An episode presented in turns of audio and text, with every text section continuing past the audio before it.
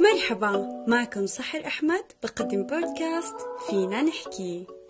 ما في حدا وقع وفجأة لقى حاله قام من دون سبب أو من دون شعور من أعماقه يدفعه ليكمل مشوار بالحياة أو حتى من دون قرار من نفسه.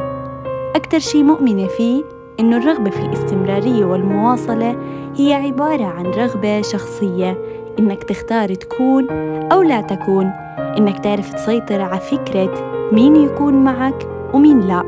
مين بيستحق ومين لا؟ شو الطريق اللي تحارب عشان توصله؟ وشو المعركة اللي مش محتاج تدخلها لأنه النتيجة محسومة؟ من الآخر؟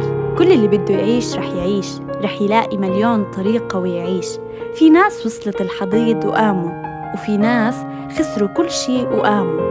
في ناس تقبلوا كل شيء مروا فيه وكملوا. في ناس قلبوا صفحات قديمة وفتحوا صفحات جديدة مع حالهم ومع الحياة. اختار دايما إنك توصل حتى لو كنت متأخر حتى لو بطيء حتى لو مش عاجب حدا حتى لو كل شي سكر في وجهك. اتعلمت هالسنة إنه كل شي بيجي إلنا بوقت المناسب. تعلمت إنه الناس مش دائما كلامهم صادق. ولا اللي بيحاولوا يظهروه إلنا ممكن يكون فعلا واقعهم أو حقيقتهم. الحقيقة إلها مليون وجه وإحنا ما منشوف منها إلا وجه واحد.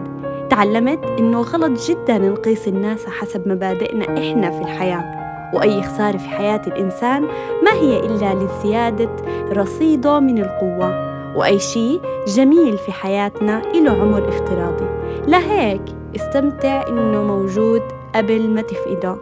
خسرت البعض في هذا العام بس لقيت من يكفي عنهم وعن غيرهم. تعلمت كتير أشياء بهاي السنة وأنا جدا سعيدة فيها وسعيدة بالثبات الداخلي اللي زاد وسعيدة بشعور الاكتفاء جدا. دمتم بخير مني أنا سحر أحمد.